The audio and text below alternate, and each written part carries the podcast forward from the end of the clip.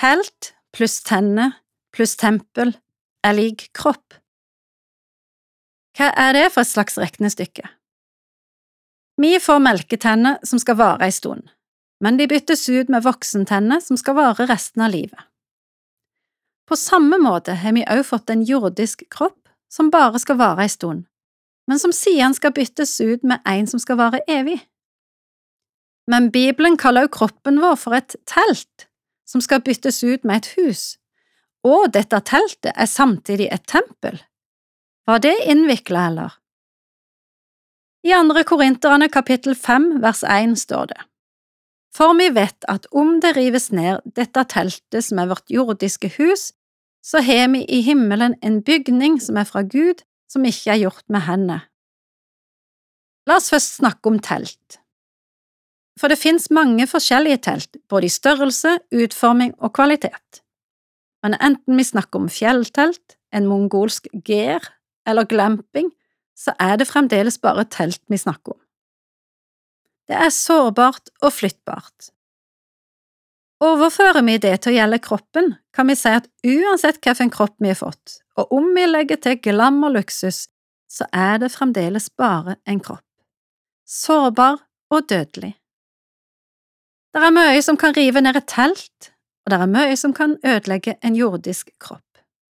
Sykdom, skade, forurensning, overflod og mangel, sorg, smerte, forgjengelighet. Når en frisk og sterk person brått dør, blir vi minnet om hvor skjørt livet er, eller hvor tynn teltduken er, for å fortsette i den terminologien. Det kan òg være riktig hyggelig på telttur, og nå snakker jeg om vanlige telt.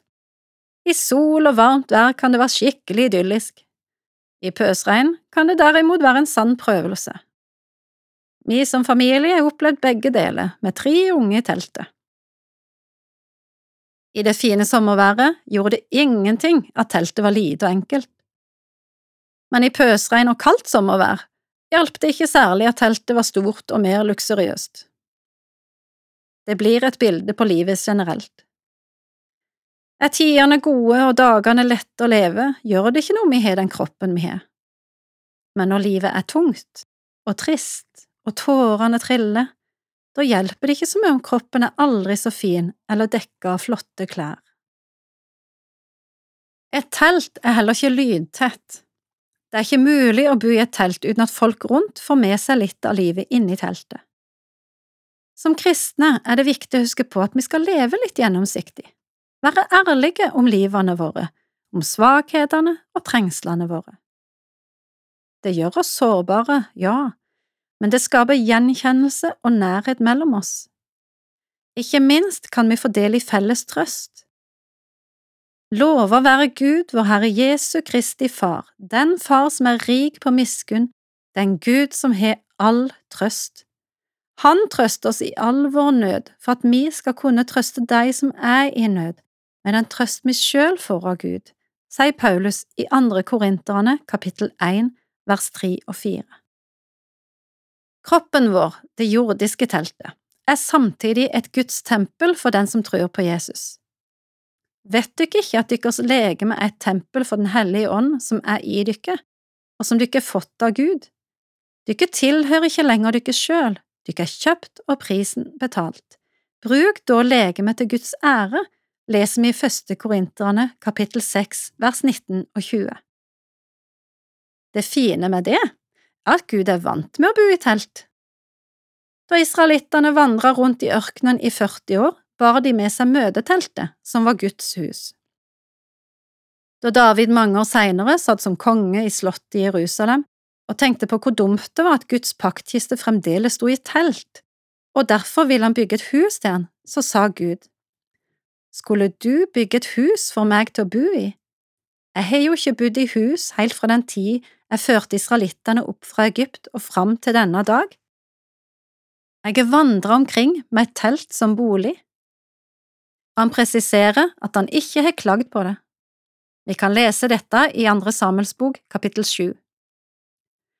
I samme slengen sa han til David at han heller ville bygge et hus for David noe som i den forbindelsen ikke handler om kropp, men om et evig navn og ei slekt som skal bestå gjennom tidene, og han hadde Jesus i tankene da. Gud er altså fornøyd med å bo i våre telt, altså våre kropper, men han bygger et hus òg for oss, sånn som Paulus sa det i verset. Det peker på den kroppen eller skikkelsen vi en gang skal få i det evige livet, og det blir en solid konstruksjon. Og fordi han er laget av Gud og ikke av menneske, er han mer enn solid. Den er evigvarende, bokstavelig talt, i motsetning til den jordiske kroppen. Han er finere enn vi klarer å forestille oss, og ingenting vil kunne ødelegge han. I Filipperne kapittel 3 vers 21 står det, Han skal forvandle vårt svake og forgjengelige legeme så det blir likt det legeme han har i herligheten. Men det er ikke bare en ny kropp som venter oss i evigheten. Som med David vil Gud også gi oss et evig navn. Den som seirer, han ville gi en hvit stein med et nytt navn rissa inn, et navn som ingen kjenner uten han som får det, sier Jesus i Åpenbaringen kapittel 2 vers 17. Paulus er så sikker på dette løftet om bygningen i himmelen at han sier mi vet. Vet du og jeg det? Eller glemmer vi av at vi skal til himmelen og alt det gode som venter oss der? Det er nok ikke til å unngå at himmellengten er sterkest hos den som har det vanskelig, som kjenner det mer på kroppen at det er tøft og vanskelig her på jorda. Det er viktig at vi ikke mister synet, at vi er på vei til himmelen. Det evige livet hos Gud er målet.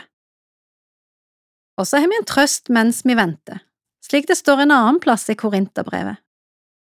Og selv om vårt ytre menneske går til grunne, blir vårt indre menneske fornya dag for dag.